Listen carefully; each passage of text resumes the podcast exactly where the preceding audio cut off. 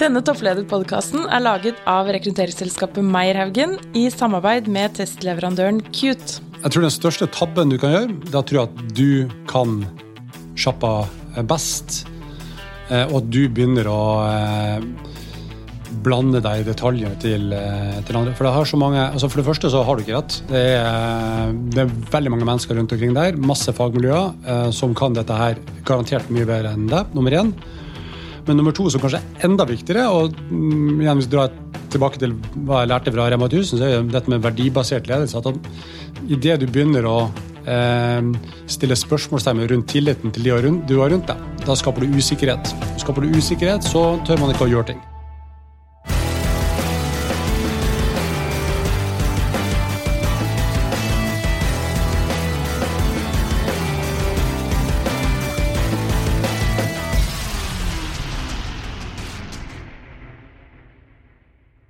Sverre. I dag er vi så heldige at vi har med en veldig spennende gjest i studio. Ja, Han kommer fra Nord-Norge opprinnelig. Ja, og heter Jakob Tverråbakk. Velkommen til deg. Takk skal du ha. Og For de som ikke kjenner deg, kan ikke du fortelle hvilket selskap er det du er toppleder i? Så jeg er så heldig å få være leder for Strongpoint. Um, Strongpoint er et selskap som du garantert har uh, møtt produktene sine uh, til, uten at du kanskje nødvendigvis vet at det er Strongpoint. Så F.eks. når du går i dagligvarebutikken og ser på eh, hylleetikettene på hva en vare koster, så er det antageligvis vi som har levert de eh, hylleetikettene. Går du og betaler i en selvbetjeningskasse, så er det sannsynlig at det er Strongpoint. Hvis du handler på, eh, på, på nett, så er det veldig sannsynlig også at Strongpoint har levert netthandelsløsningen bakom, som har med plukk og leveranse av eh, de netthandelsproduktene du, du kjøper. Så det er et sånt selskap som, som du sier, det, de fleste har vært borti det, men kanskje ikke så mange som vet det. Helt riktig. Og hvor lenge har dere holdt på? Hvor store er dere? Så Strongpoint um, um, Strongpoint-navnet egentlig kom for noen, noen få år siden.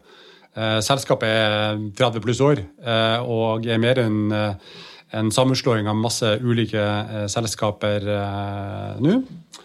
Eh, jeg har vært så heldig å få lov å lede Strongpoint i to og et halvt år. Eh, I Norge holder vi til på Rælingen av alle ting.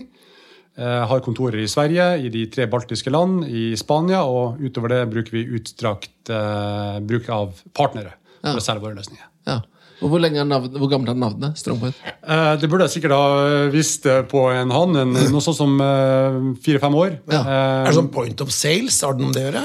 Eh, strong point, navnet, eller ja. ordet, betyr egentlig et fort. Ja. Det er sterkt punkt. Det er ja, fort. Strong point, ja. Um, uh, selv om ikke nødvendigvis nordmenn assosierer det med akkurat det. Men vi syns det, det, står litt styrke i navnet, og det er litt uh, kult. er tikkeren strong, da, eller?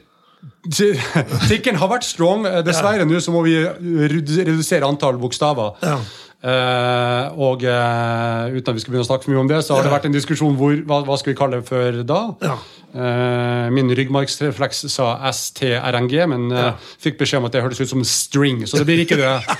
Vi kommer nok tilbake til det. Ja, Men det er bra. Men er det, er det et norsk selskap, eller er det internasjonalt? Vi er et norsk, eller vil si vi er børsnotert i Norge. De fleste aksjonærer er norske. Eh, i overkant av 500 ansatte. og en fjorårsomsetning på 1,1 milliard i ja, overkant. Så det er ikke noe, det er ikke noe bakgårds... Eh, det er ikke en sånn selge saft på gata-butikk? Nei da, vi, vi, vi, er et ordentlig selskap.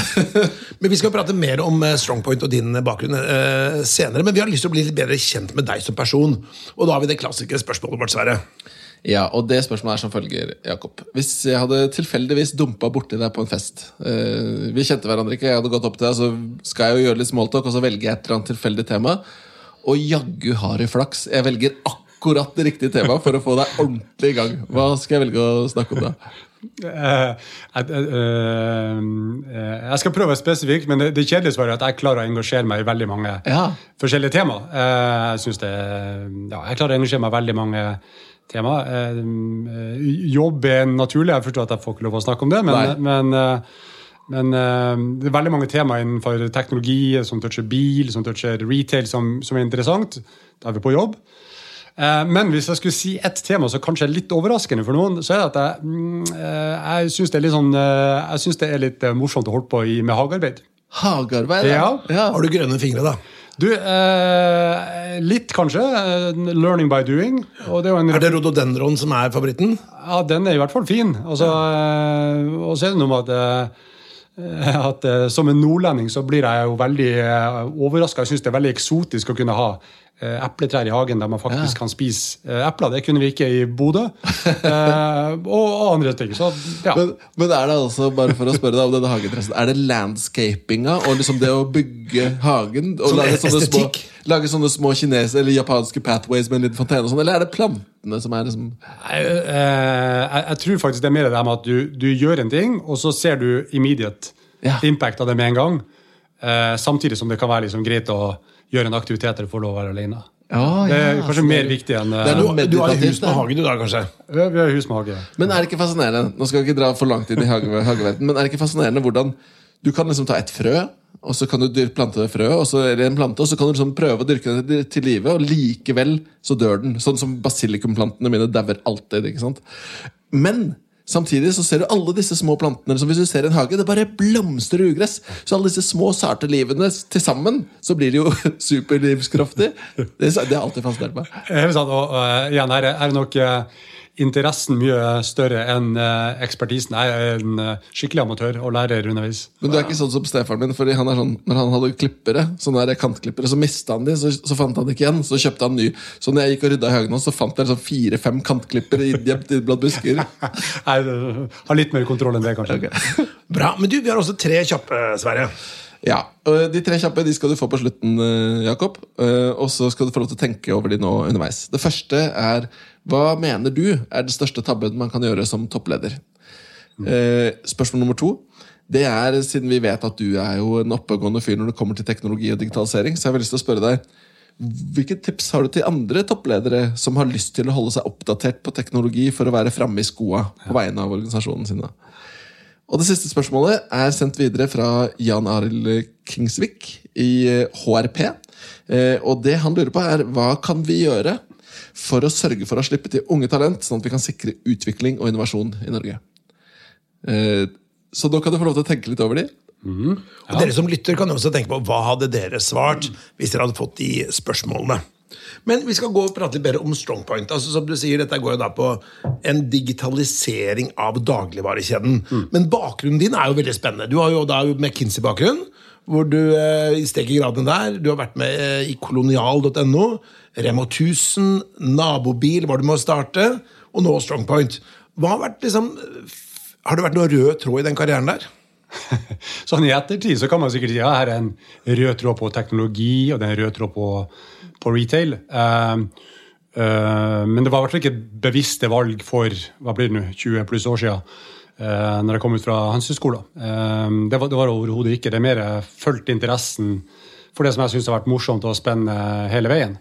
Um, så, så det var den røde tråden. Den røde tråden er kommet i, i, uh, i Du lys. ser, du ser røde tråden i Du ser røde tråden i bakspeilet og Ja. egentlig bare fulgt det som jeg syns har vært morsomt og uh, gitt meg inspirasjon. Ja. Og det er så gjerne, gjerne sånn at der hvor du får inspirasjon og passion, det er det som du også blir uh, flinkest på. da. Ja. Ja. Men ta teknologi, for eksempel. Da. Du sa du at du hadde gått NHH. Handelshøyskolen Bergen, ja. Ja, og det var vel ikke akkurat sånn at det var masse digitaliseringsfag der. Hadde du denne interessen allerede på studiene, eller kom det etterpå? Nei, jeg må Tja. Uh, li, altså, litt, litt sånn har det vært hele veien. Altså, var kanskje første husholdninga i Bodø som fikk en, eh, en datamaskin. Det var, i, Var det VIC 20 eller uh, Commodore 64 eller? Ja, altså, det, var, det var selvfølgelig Commodore 64, men nå tenker jeg liksom ikke bare på spillkonsollen, men også de i anførselstegn, ordentlige datamaskiner ja, ja. som fulgte etter det òg. Så det har kanskje ligget en sånn liten interesse der eh, hele veien. Men, eh, men eh, jeg må være så ærlig å si at når jeg kom ut fra Hønseskolen, så, eh, så eh, Vel, for det første, når jeg var på Hønseskolen, så var det jo et nytt univers for, for meg. Jeg kommer fra en eh, legefamilie og visste egentlig ikke hva man skulle gjøre etter Hanseskolen. Ja. Eh, Da hørte jeg om McKinsey for første gang, og visste egentlig ikke at man kunne være rådgiver eh, som, eller ha det som yrke. Eh, Men fant fort ut at det var jo en fantastisk eh, plattform hvor man kunne finne ut hva man vil etter hvert. Kan få prøvd masse forskjellig. Og da kom liksom den teknologiinteressen etter hvert. ja. Hva vil du si er det beste med å jobbe i McKinsey? Ja? er det beste. Ja. Ja, nei, det er eh, er bare gode ting å si om McKinsey. Altså, hvis vi skal trekke frem tre ting som man typisk gjør når man kommer ut fra McKinsey, for det er alltid er tre ting. Det ene er jo at du får jobba med utrolig mange eh, flinke mennesker. Så du, du, du, det blir flåsete sagt, men du lærer noe eh, hele tida. Eh, nummer to, du får en eksponering til uh, toppleder og uh, selskapers største utfordringer. Så du lærer veldig fort å tenke på hva som er stort og, og viktig, og hvordan skal du løse det. Og så er det det tredje, og det kan vi sikkert snakke mer om også. Det er jo den, den nettverket av Jeg vil kalle det for venner. For det, jeg tenker på mine McKinsey alumnes som venner, som er eh, second to none. Altså det er et mm. fantastisk eh, nettverk som jeg har brukt i, i stor grad i, i etterkant av McKinsey-karrieren også. Mm. Men er ikke noe av McKinsey-strategien at, at de, det er sånn uh, de ansetter bare personer som er, har partnerpotensialet. For enten så blir de uh, uh, Enten så går de opp og fram, eller så blir de da på en måte toppledere, sånn som du blir da i andre selskaper. Og Det er vel det som har skjedd med deg? Jo, det kan du si. Som veldig mange andre så fant jeg ut etter hvert at, eh, at eh, Eller fant ut hva som var spennende. Jeg hadde noen flere år i, før jeg fant, at, fant, ut at retail var, mm. var tingen. Der jeg jobba med olje og gass den gangen det var hot. Fikk reist veldig mye rundt omkring i verden. Bodde i både Sørøst-Asia, i Midtøsten og, litt sånt. Kjempespennende når du er noen og 20 år og Uh, skulle si singel og fri og frank. Og så etter hvert så tar realitetene deg, og du har lyst til å være litt mer hjemme og sånt. Men som veldig mange andre så, så snakket jeg med en av mine klienter. den gangen var det Rema 1000. Og fant ut at hvorfor jobba ikke vi enda tettere sammen? Og fikk vært med der og leda forretningsutvikling i Rema 1000.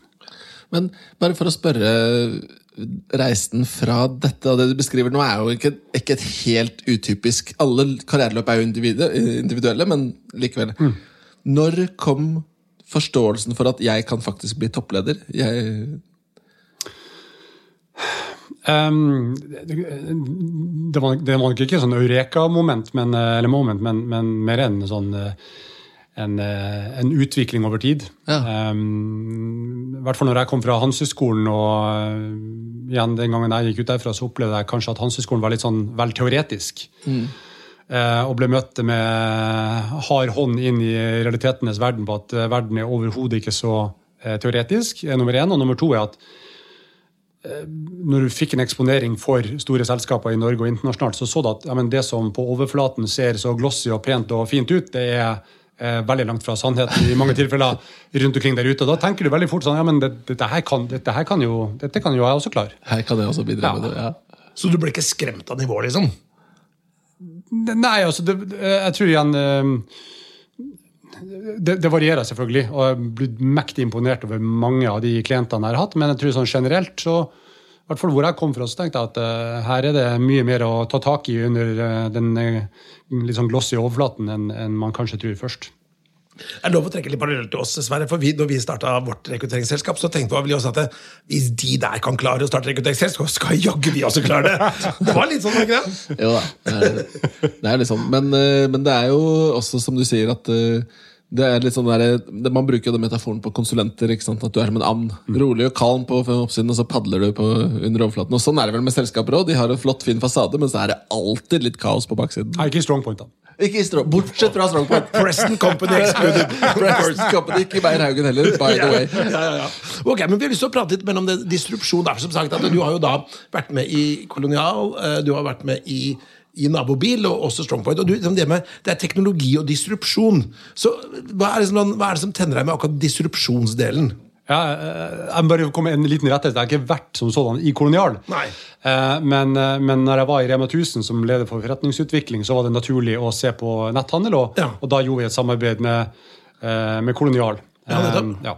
Du står bare på CV-en din på LinkedIn, skjønner du. Ja, nei, jeg, var, jeg satt i styret i Kolonial, det stemmer helt. Ja, Så um, Nei, men det, det, har noe med distribusjon altså, klart at Jeg tror de alle, eller veldig mange mennesker har, liksom, de har lyst til å gjøre en, eh, en forskjell. Ja. Og det er klart at uh, Distribusjon gjerne medfører forskjell, og det pleier å være hyggeligere å sitte i førersetet enn å sitte i passasjersetet der. Um, så det har liksom alltid vært en sånn sånn, sånn trigger. Um, og eh, stereotypen er vel at en 18-19-åring i en garasje som finner opp noe, det er jo egentlig ikke sannheten. Jeg tror statistikken tilsier at den eh, gjennomsnittlige gründeren er et sted mellom 40 og 50 år. Eller 40-45 år. Um, og, eh, og, det var kanskje litt tilfellet mitt også. Der der du kommer over noen uh, muligheter som du ser bare Oi, dette her er jo et kjempepotensial. Her må det jo, her, her må det jo være mulig å, å, gjøre noen forretning ut av det. Ja, Snakker vi nå om kolonial eller nabobil? Eller Nei, både òg. Altså, liksom, uh, uh, Rema 1000 og Kolonial begynte med et samarbeid det var vel 2014, husker jeg ikke helt nøyaktig. Eh, Bl.a. et distribusjonssamarbeid der Rema 1000 eh, ga tilgang til, til varer til, eh, til, Kolonial. Det husker jeg faktisk. Ja, ikke sant? Og som en, og som en del av det så, så, så satt jeg da i styret i Kolonial. Jeg var så heldig å bli pappa i løpet av den perioden der. Og vi dro på mamma- og pappaperm til Thailand med babies. Og da hadde jeg masse tid til å tenke. Eh, og da hadde jeg eh, faktisk dette frøet, hvis du bruker den eh, hageterminologien, det frøet om, om, om, om, bildeling Det hadde truffet meg, i alle fall. Dette var en tid hvor det var mye snakk om Airbnb og Uber ja. i Norge. og mye distribusjon der. Og når du først begynte å, liksom, å tenke på den tanken at herregud, her har vi den nest største kostnadsposten for en husholdning, som eh, overhodet ikke er en investering. Altså hus er investering, men bil er ikke investering. Eh, og den står i ro så mye. Eh, det må jo være et fantastisk potensial å klare å benytte seg mer av det. Og, og selvfølgelig det har også en, en, grønn komponent i det, med at i Norge så snakker vi mye om at eh, ja, du må kjøre elbil for at du, da er det miljøvennlig, men da har man glemt at det å produsere en bil er jo langt mm Eh, fra økonomisk Eller eh, kostnadsfritt fra et, fra et miljøperspektiv. Det koster masse energi og penger å få inn gummi og metall og olje og what have you for å lage en bil. Så, så der, der, liksom kom den, der kom den spiren, egentlig. Og jeg satt og skrev forretningsplaner i i Thailand egentlig så skulle det hete Switchcar, for jeg syntes det var et kult navn. Um, um, men, men, saken var at eh, etter et styremøte i Kolonial så tok jeg tak i Carl mm. Mudekås og sa nå har jeg forretningsplaner, men jeg vet ikke hvor i alle dager finner disse programmererne. Og da eh, tok vi en handshake rett ved bordet og starta selskapet der og da. Fikk inn teknologiressurser, og så kjørte det egentlig bare på. Og, det ja. morsomme er at jeg var så nære og leie bil på nabobil forrige helg. Jeg har aldri gjort det før, men kona var borte, og så hadde jeg fryktelig lyst til å dra på jakt. Og så trengte jeg en bil, og da var det noen som kan du ikke bare leie en bil på nabobil? For det har vi glemt å spørre om. Er, eh, er Jakob mest interessert i jakt eller fotball? Altså, akkurat nå er det jo klart at det er fotball. Ja. Er du gal? Bodø-Glimt har du ja, Bodø-Glimt heier jo jeg på. Ikke normalt, jeg er jo Vålerenga-mann, men, men, jeg må si at uh, Bodø-Glimt må jeg si er veldig imponerende til i år. Men er du noe interessert i engelsk fotball? Jakt? Nei, ikke engelsk fotball. Hva med jakt?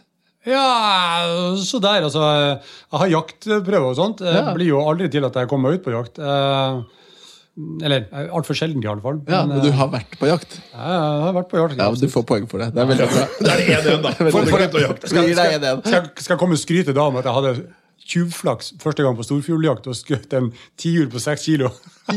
Gjorde du det? Og Visstnok har jeg hørt, jeg kan jo ikke det, men eh, visstnok er det ganske sjeldent. Det er ekstremt sjeldent. Jeg har, altså De sier det 40 jaktdøgn for å skyte en tiur. Jeg har skutt mange tiurer, og en av de var gigasvær, og den var fem kilo. Så seks kilo er helt sjukt. Tjuvflaks. Ja. For vi har liksom litt intern sånn bantering med du, Jeg tar tilbake det poenget. Jeg tenker på, du får ikke poeng likevel. Nei, vi, vi sånn at Jeg er veldig fotballinteressert, og, og Sverre er veldig jaktinteressert. Men jeg er innulig interessert i jakt, og han i fotball. da Så Sånn sett så er, har vi en intern konkurranse med disse gjestene våre. Ja, Vi spora noe litt av. Eh, vi var på nabobil og digital depresjon. Ja. Jeg, jeg, har et spørsmål. Ja, Tilbake til faget, da. Hvis du ser på den endringen rundt si kolonial, og det som skjer med salg av dagligvarer på nett, det er vel, ikke, er, det er vel fremdeles sånn at de sliter med å få til lønnsomhet på det, eller? Jo da, så jeg tror uh, Gjennomgangstonen for uh, renspikka netthandelsspillere har vært uh, lønnsomhet. Det har også vært uh, skal si, unnskyldningen eller forklaringen til at store aktører har venta med å, å, gå på nett.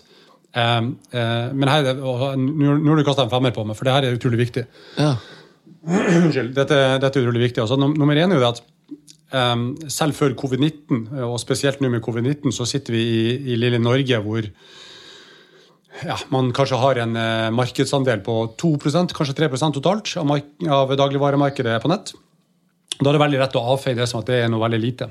Men sannheten er jo det at det er jo et, eh, det et Oslo-fenomen i aller største grad. Eh, det er fortsatt, til tross for at enkelte aktører nå kommer med tilbud andre steder i landet, så er det, fortsatt veldig mye et Oslo-fenomen. Så at liksom, selv om du har en 2-3% markedsandel nasjonalt, så betyr det fort at da er du på en sånn 10-15 Oslo.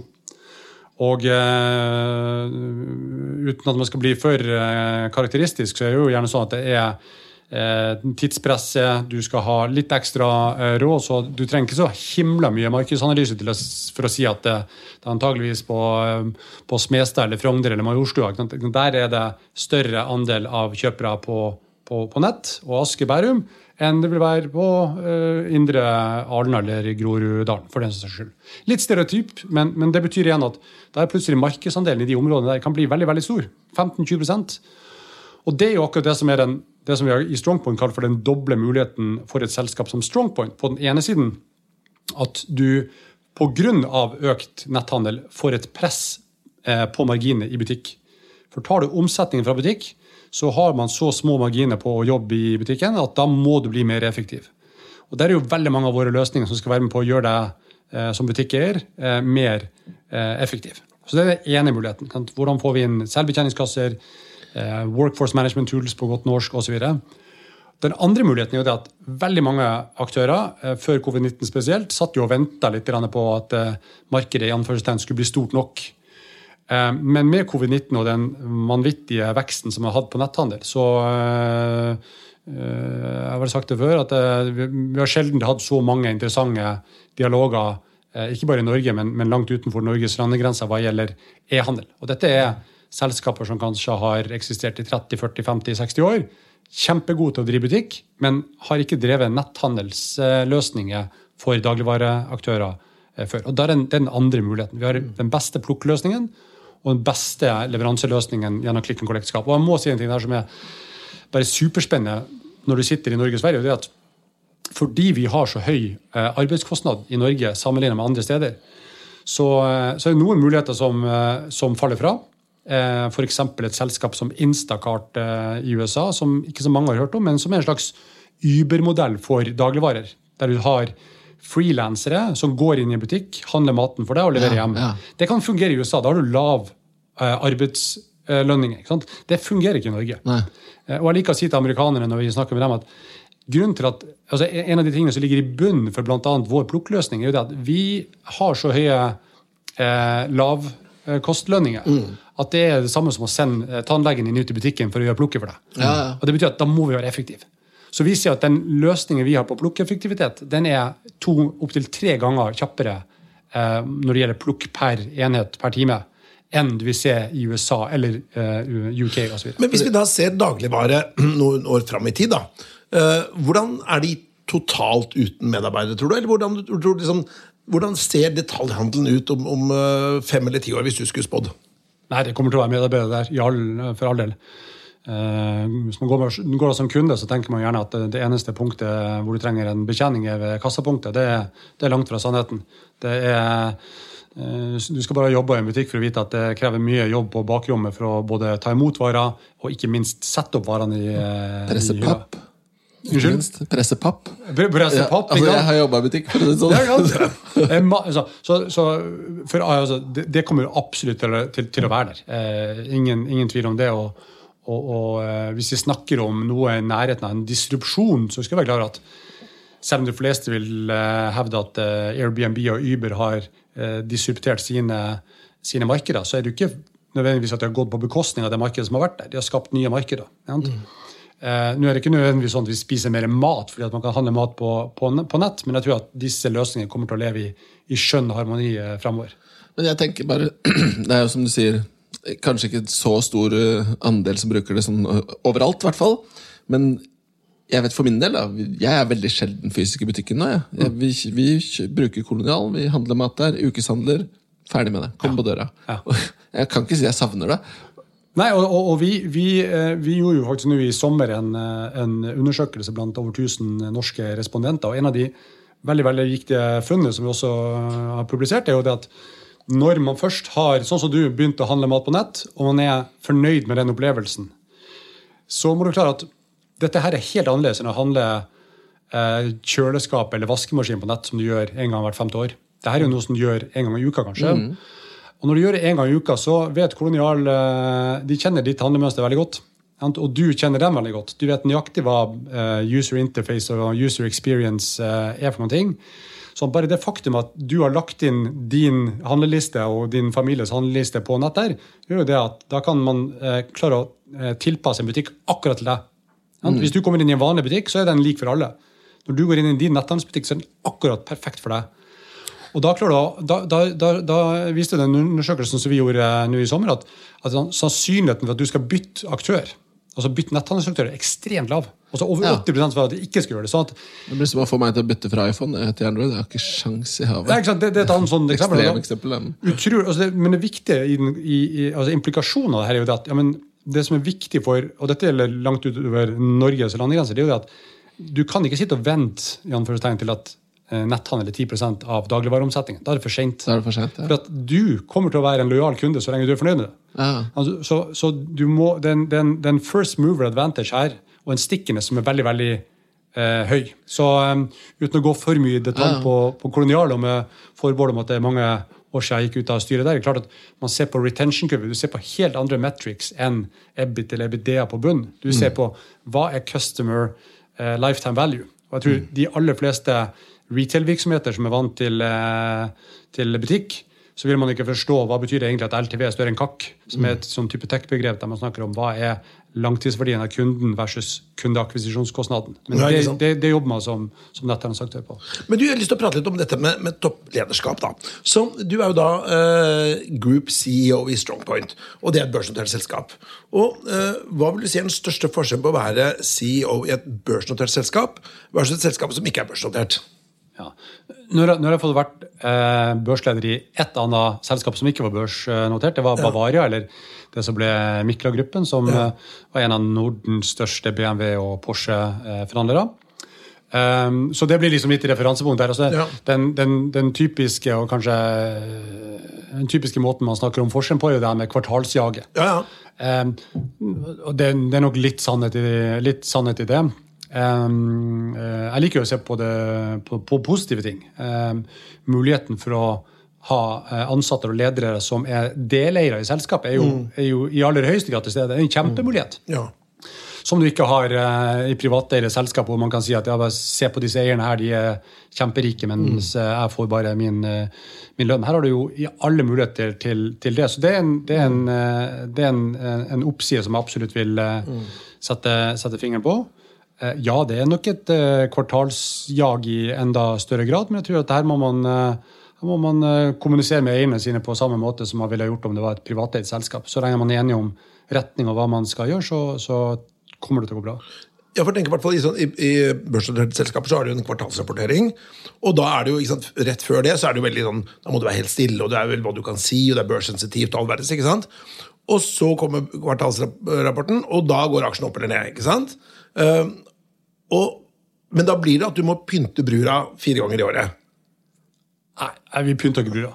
Altså, hvis du pynter, jeg tror at hvis du begynner å pynte brura, da er du, da er du on a slippery slope. Da, Men det skjer jo det. Da, ja, det kan godt hende det skjer, men da, Ja. da, gjør det deg sjøl en eh, bjørnetjeneste. Da må du pynte mer og mer helt til sminken på et eller annet tidspunkt og foundation er så stor at eh, den faller av. Så det, det ble en kortvarig ja. strategi, tror jeg. Men du har rett. Altså, det, er jo, det er jo noe med at når vi nå har eh, type town hall meetings med alle ansatte, det blir fort digitalt i disse tider, eh, og egentlig uansett fordi vi er så mange land, så, så man må jo være sånn påpasselig på okay, når, når skal vi ha dette town hall meeting. Du, du legger ikke det ei uke før kvartalspresentasjonen. Ja. Det, det legger du etter. Og, men men det, det, det, det er mindre det er mindre detaljer i en, eh, i en sånn setting som her, når du skal se forskjell på privateid og, og, ja.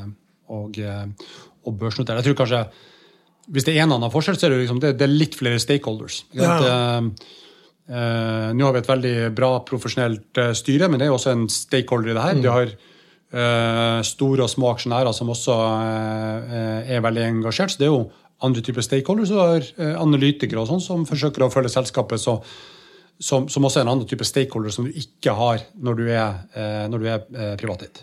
Men et spørsmål om ledelse og rollen din, ref det vi har snakket om så langt. Fordi når vi snakker om eh, disrupsjon av retail, vi snakker om nabobil, vi snakker om kolonial osv., så, videre, så snakker vi om egentlig innovasjon innenfor en bransje, og ganske sånn derre uh, frampå ting, da, som er ganske kult. Og så har jo vi hatt mange ledere her inne, og dette er jo ting som alle ledere er opptatt av og, og, og må ha et forhold til. Men vi har ikke snakket så mye om din jobb i dag. Ja. Fordi eh, som toppleder så har man jo et driftsaspekt, man har et ledelsesaspekt, man har noen forretningsmessige ting og masse greier. Men hvor stor del av jobben din i dag spinner inn på den siden? Altså innovasjon, distribusjon, endring? Eh, Kjempebra spørsmål. Jeg mener, kort refleksjon, altså, Når du sitter som leder for forretnings, eh, forretningsutvikling, så da, da, da skal du komme på alle de kule nye tingene. og så den eh, profit and lossen det får noen andre ta seg av. Nå, nå sitter du med, med, med totalansvaret, så er det klart at er utrolig viktig at man klarer å balansere det riktig. Eh, du kan ikke på den ene siden sitte og bare forvalte eh, det man har i dag, og, og, og suge ut maks av det uten å være villig til å reinvestere i det som du mener, sammen med din ledergruppe og, øvrig, er det som skal være, være med på å løfte framtiden. På andre sida kan du ikke være helt i andre grøftekant heller. Du kan ikke, du kan ikke bare drive og jobbe et par år fram i tid. Du skal levere på, på, på både dimensjoner. Det er kanskje noe av det som er eh, vanskeligst i, i, jobben. Altså, du vil gjerne Du skal selge jordbærene du har, men du skal også aldri være fornøyd med den løsninga du har, for du skal hele tida pushe videre. Ja. Det gjør både om du ikke vil eller, eller ei, så kommer kundene dine til å gjøre det. Er det, er det organisasjonen eller toppleder som har liksom ansvaret for å drive Kall det si disrupsjon, da, for å dra den helt ut. det er multimillioners spørsmål. Jeg tror ikke det er et reinspikka svar. Eh, det er i hvert fall ikke eh, noen som har låst seg inn på et rom og finner på gode ideer. Altså, sånn, sånn, er det sjeldent. Fellesskapet, da, kanskje? Ja, det, dette handler jo om at dette handler om at det som er product management, hvis man bruker uh, godt engelsk på det, for det er litt mer nyanserte begrepet, så product management, altså Du videreutvikler en løsning som du har. så på et eller annet tidspunkt der også, så tenker du men kunne ikke, kunne ikke jobben vært gjort på akkurat på, på, på, en annen måte? Du, du, har, du, har løs, altså du, har, et problem uh, eller en, en, mulighet som du skal løse for en, uh, for en kunde. I vårt tilfelle så er det um, store dagligvarekjeder i all hovedsak. Du skal løse et problem for dem. Og I dag har vi denne løsningen her som gjør det, men vi kan aldri, vi, vi kan aldri slutte å tenke på at det, det kan være andre måter å gjøre det, gjøre det på. Så mm. um, jeg tror et av de mantraene som, som uh, altså en, en, av de tingene som jeg er veldig opptatt av, det er liksom at man er nysgjerrig. Mm. Du, må, du, må, du, må, du, må, være nysgjerrig. Det er ingenting som igjen, Det blir kanskje veldig mye refleksjon tilbake til, eh, til gamle dager, men liksom det, det, er jo veldig lite av det jeg lærte på handelshøyskolen som jeg føler at jeg bruker i dag. Ja. for å si det sånn. Du, du, må, du, du må, tørre å, eh, å hive deg utpå og, og, og være nysgjerrig rett og slett, eh, hele tida for å Men utvikle det. én ting vi er nysgjerrig på, det er litt mer deg som person. Så er det jo En del i vår podkast er jo dette med personlighet. Ja. Nå har vi allerede spurt litt sånn Vi har snakket mye om hvordan du tenker og hva du tenker osv. Men uh, men hvis vi skal stille et litt åpent spørsmål til deg, da. Uh, hvordan vil du selv beskrive din personlighet? ja, wow, det er jo skummelt. Uh, nei, jeg, jeg, jeg, tror det er med sånn um, hvor, hvor, mange, hvor lang kan lista være? Nei, vi skal, det må begynne et sted. Det, det, må, det, det, McKinsey geni meg sier at det er tre ting, i hvert fall. Um, men, uh, the rule of the golden the, rule. The golden rule. Uh, nei, men Det ene må jo være at jeg er jo um, jeg, jeg, jeg, lik, altså jeg er jo målorientert, det må du kunne si. Uh, både, på, både, på, jobb og, og si, på, på, fritid. Jeg må hvert fall på fritid så må jeg minne meg sjøl på at det, det, er faktisk, den, det, er faktisk, turen til, til, toppen av fjellet som er, som, er, som er, en del av målet. Veien av målet. Ja. Eh, så, men det å være målorientert, det, det, kjenner jeg veldig på. Eh, jeg vil påstå sjøl at jeg er eh, Hva skal vi kalle det? Nysgjerrig slash eh, ja, Nysgjerrig. Eh, vi, vi, har jo et sånn saying i rekruttering at det beste predikatoren på hva du kommer til å gjøre i morgen, ja. det er hva du har gjort i går. Så tidligere atferd forutser fremtidig atferd. Og når du sier nysgjerrig, så er det klart det er jo mye i historikken din som beviser at det, det eller det høres veldig plausibelt ut. ja, altså, det, det, det, kan du, det kan du Du kan sikkert se det røde tråden i bakspeilet der. Og så, og så håper jeg og tror at jeg um, har litt sånn energi og fart i, fart i arslet. Altså, jeg liker at det skjer ting. Um, og jeg håper og kanskje også tror at den uh, energien uh, og inspirasjonen uh, smitter. øh, til resten av øh, de jeg jobber med eller, eller bor sammen med. skulle det være. Så, så da skal jeg plukke opp en ting som du nevnte tidligere. Eh, kan vi anta at i deg så er det også noe, hvis vi ser på relasjonelt, da, som en del av personlighet, er det noe det du beskriver nå, så handler mye om ikke sant, utadgående. Du er målretta, du får med deg folk og nysgjerrighet, og liksom, det er fart og driv hele tiden.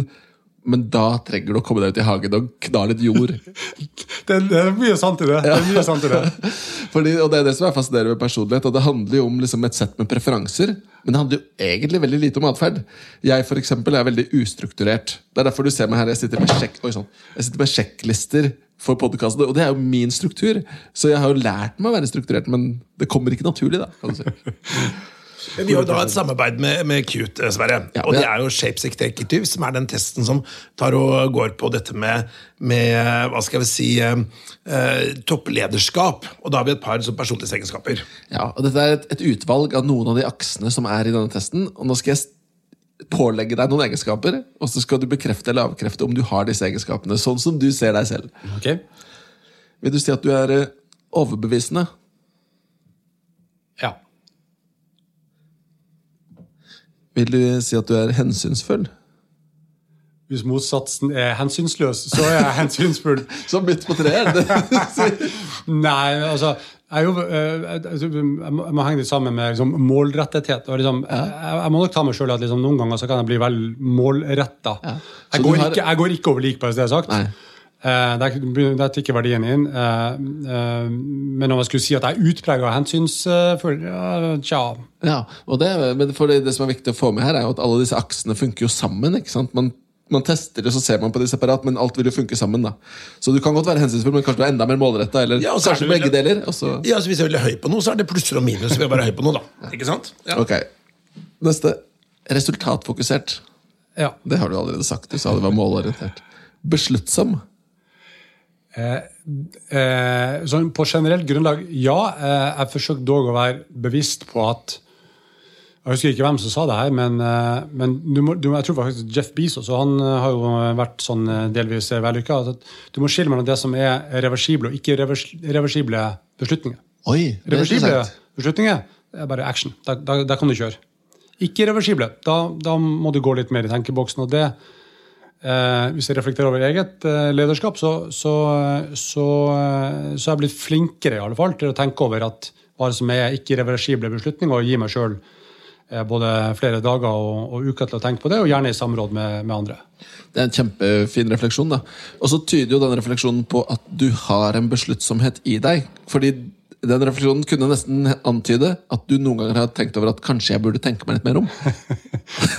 Det, det, det, det kan jeg kanskje si. Um, jeg har også tenkt mye på hvorf- hvorfor, hvorfor er det sånn. Jeg tror med fare for å analysere for mye. Sant? I, en McKinsey-setting så eh, driver du med hypotesedrevne eh, eh, analyser. Altså Du setter opp en hypotese, og så forsøker du å bekrefte eller avkrefte den.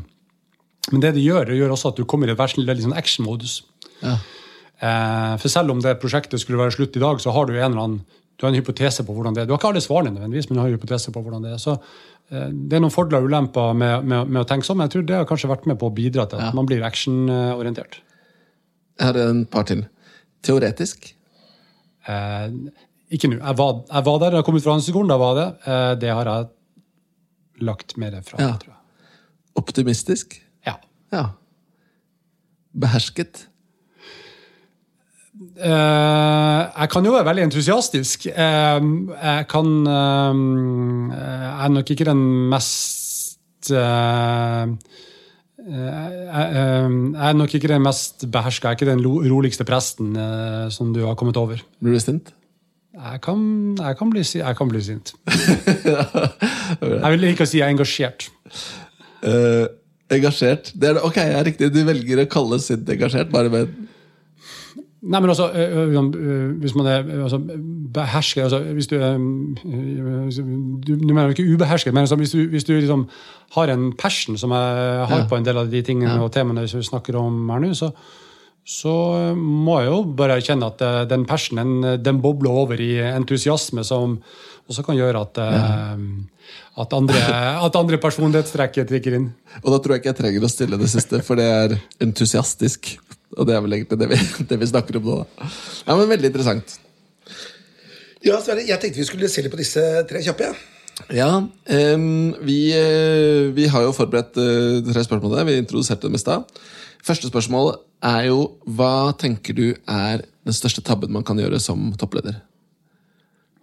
Jeg tror, den, jeg tror den største tabben du kan gjøre, da tror jeg at du kan sjappa best, og at du begynner å eh, blande deg i detaljene til, eh, til andre. For det, mange, altså for det første så har du ikke rett. Det er, det er veldig mange mennesker rundt omkring der, masse fagmiljøer, eh, som kan dette her garantert mye bedre enn deg, nummer én. Men nummer to, som kanskje er enda viktigere, og mm, igjen hvis du drar tilbake til hva jeg lærte fra Rema 1000, så er det dette med verdibasert ledelse. at Idet du begynner å eh, stille spørsmålstegn rundt tilliten til de du har rundt deg, da skaper du usikkerhet. Og skaper du usikkerhet, så tør man ikke å gjøre ting. Og da lammer du en organisasjon. Så jeg tror liksom det er kjempefarlig å begynne å bevege seg ned og skal, skal si, overstyr. Eh, still spørsmål for all del, men, men å tro at du på toppen eh, skal kunne drive forretninga bedre, det tror jeg er kjempefarlig. Ja. Men bare sånn kjapt refleksjon rundt det. Er det kanskje spesielt farlig i gründerbedrifter? For La oss si at du har en sterke gründere, da. Og så, sant, som, har, som har kanskje dratt i gang og har noen suksesshistorier bak seg, og sånn, og så begynner du å få folk, og så i starten så er gründerne de er både CFO og CEO og CTO og all verdens. Og etter hvert så får du spesialister inn. Er det farligere der? på du vite når du skal gi slipp? Altså, kjempegodt spørsmål. Jeg tror det er en av de tingene med lederskap som veldig ofte blir um, kanskje oversett. Så er det liksom En del av lederskapet er jo det, det, det er ikke bare people leadership. Det er mm. Thought leadership eller, mm. eller, eller, faktisk strategi. Altså det å stake ut kursen. Og det er klart at I en gründervirksomhet hvor strategien eh, jeg skulle si, den, den, kan pivote, den kan bevege seg veldig kjapt. Mm. Eh, fordi du ser at noe ikke funker, og sånn skal det være. Mm. Eh, der, der, der, der, må du ha en, en, leder som tør å sette kursen. Og da kan du gjerne si at ja, men da blander du deg borti hva fagpersonellet kan. Men i en nabobilsetting altså vi var fra to til fem til seks personer, sånn, alle involvert i, i, i, alt. Så da, da, har du en mening, da har du en mening om noe i en større setting som type strongpoint, så da må du være mer bevisst på den rollen du har eh, der, enn du ja. vil i en sånn type gründervirksomhet eh, fra, fra, den spede begynnelse og frøet. Ja. Så bra. Spørsmål nummer to. Hvordan var ditt beste tips til andre som ønsker å holde seg oppdatert på tech? Ja. Um, jeg skal prøve å være konkret her, da. Ja. Um, um, jeg skal prøve å være konkret her. og et uh, det er mange tips, men hvis vi skal ta ett, så ville det vært liksom å finne noen gode personer å følge på sosiale medier. Eh, om det er LinkedIn eller om det er podkast som, som, eh, som, er bra og som er up to date. Eh, det, for, det, fine er jo det at du kan eh, både følge personer i USA, i Asia, hva det måtte være, eh, og være up to date der. Jeg opplever at det som skjer, det kommer veldig fort ut i kommer veldig fort ut i, eh, i eh, enten podkaster eller media. Så hvis du klarer å finne noen rette personer å følge, da tror jeg i hvert fall at du kommer eh, langt. Så det var et sånn veldig ja. veldig konkret, ja, kanskje snevert Og hvem, hvem, er de rette personene for deg, da? Noen eksempler? um, du nevnte Jeff Bezos i stad. Er det en av de? Nei, altså, han er blitt litt for han, han, han, er blitt for langt unna Han er blitt for langt unna det som kan være konkret. Nei, det kan være spesifikke tema. Så ikke sant, på Innenfor e-handel så skjer det veldig mye spennende. Så det er masse fagekspertise innenfor e-handel eh, som jeg forsøker å følge. Eh, det kan være eh, fagekspertise innenfor eh, tar, du, tar, du, det som område som vi kaller for checkout efficiency, så er det jo klart at eh, Amazon og, og, selskaper som utvikler tilsvarende løsninger, der er det mye som skjer. så hvis du bare, jeg tror bare, Er du engasjert og interessert, så, så, så, vil du begynne å følge det her. For det er jo, det er jo et fryktelig godt råd. Det er et kjempegodt råd. Så tenker jeg, Samtidig så kan jo fort utfordringen være Hvis jeg nå tenker kan vi er opptatt av rekruting, rek, rekruting rekruttering og teknologi, rektech, så, så tenker jeg sånn, ja, det, dette skal jeg gjøre på det. Men da blir det spørsmål hvordan finner jeg de? Da Da må jeg liksom begynne å google litt. Se, så det er liksom ikke bare bare å finne de riktige å følge heller. Ja, men her er det sånn... Uh her er det litt sånn at uh, Hvis du først begynner å snøre, at du har en uh, kar som er interessant, så følger han gjerne noen andre som er interessante, eller noen andre interessante følger han. Så det er liksom en, en slags nettverkseffekt ja. i, i, det også. Ja. Finne noen som er flinke, og så se hva de liker og føler. Kan være smart. Veldig bra tips. Siste spørsmål er sendt videre fra Jan Arild Kingsvik i HRP. Han har lyst til å høre dine refleksjoner rundt hvordan kan vi sørge for å slippe til, eller at unge talenter kommer til, sånn at vi kan sikre utvikling og innovasjon i, Norge. Hva kan vi som toppledere da, eller ledere gjøre? Det, det er et veldig godt spørsmål, men, men i mitt hode har det spørsmålet har to komponenter. Det ene er å slippe unge til, eh, og det andre å sørge for eh, innovasjon. Og det, og det, må ikke være sånn du må være ung for å skape innovasjon. Jeg tror det sitter i veldig stor grad i, i hodet. Så, men jeg kan snakke om eh, hva skal man gjøre for å slippe unge til. Jeg tror eh, Jeg kan ta Strongpoint som et eksempel. Vi har historisk sett vært altfor dårlige til å være ute på, eh, på, på utdanningsinstitusjoner eller fora hvor det er unge folk. Det er, det, er først, det, er, er rett og slett første steg. Så steg én er å få tak i unge folk. Nei, ikke, få tak i, men gjør deg sjøl tilgjengelig Ja. eh, på de arenaene. Om det er å linke seg opp mot masterstudenter som ønsker å skrive om noe av det som skjer innenfor teknologi innenfor retail space, det er jo fantastisk. Det er kjempespennende for dem. De får brukt eh, Strongpoint, men vi i Strongpoint får også benytte oss av eh, de potensielle interessante funnene som de har, men ikke minst også si, bli kjent med de menneskene som vi jobber med. Så prøv å integrere den delen av forretningen som, eh, som kanskje Uh, ja, som, som, tenk på det som en, en, alternativ vei inn til å få nye impulser, uh, også tidlig på et, uh, på et stadium fra der hvor du snakker om utdanningsinstitusjoner. Så kan det gjøre noe, eller kan ikke gjøre noe. Du skal ikke si at det, her har vi Strongpoint det er mange års erfaring og vi har rekruttert masse masse folk fra universitetet, for det har vi ikke gjort. Men det er bare en tanke rundt akkurat det. Jeg tror, Ja. Men det er, jeg tror nok det er mye, hvis du tenker på for dette med å være veileder for et masterprosjekt eller en tilsvarende, da, så er det nok Det er vel en av de områdene i Norge hvor det går mest interessant tankegods vekk. Det blir borte. Jeg husker jeg dr drodla veldig lenge på en idé om å kåre liksom, årets beste masteroppgave. For eksempel. Fordi det er jo så mye forskning som bare forsvinner i en skuff. Ikke Ja, sant? ja. Så der er det nok mye som går, går, går tapt. da. Bra. Jeg tenkte vi skulle gå litt inn for landing. jeg, Ja. Dette har vært en veldig spennende prat. Jakob. Vi har prata både om retail, vi har pratet om bil, vi har pratet om distrupsjon, teknologi og personlighet.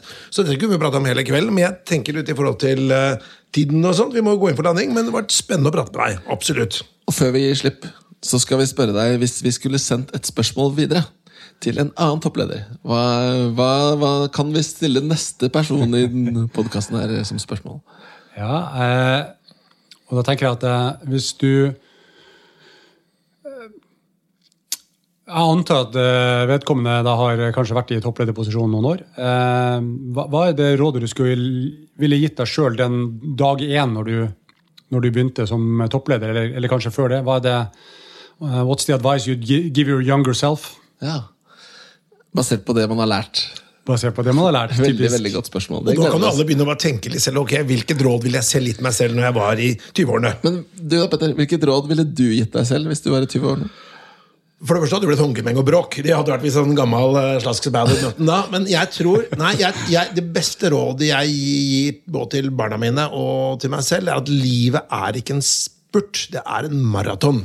Så du kan gå, ligger veldig bra an eller veldig dårlig an tidlig i løpet, men det er, det er et langt løp. altså. Livet er et langt løp. Og ha, både i forhold til valg og prioriteringer, ha det i bakhodet. litt, litt søkt, sånn, men noen paralleller der. Så. Hvis jeg får lov å sitere en annen uh, milliardær, eh, Bill Gates, uh, når vi snakker om teknologi og, og sånn, han sa noe sånt som at dette er fritt oversatt at på kort sikt så tenderer vi til å overvurdere eh, endringene fra teknologi. På lang sikt så undervurderer vi dem. Mm. Jeg kan relatere meg til det. Vi hadde nettopp femårsjubileum for Nabobil. Eh, ifølge de forretningsplanene som vi hadde da, så skulle vi i året ansatt, eh, omsatt for 2,5 milliard. Det eh, gjør vi ikke. Nei, ikke helt der ennå. Men tusen, tusen takk for en kjempeinteressant prat. Vi gleder oss til å ta spørsmålet ditt med til neste gjest. Har du innspill eller kommentarer til denne podkasten, kan du sende en e-post til toppleder at meierhaugen.no.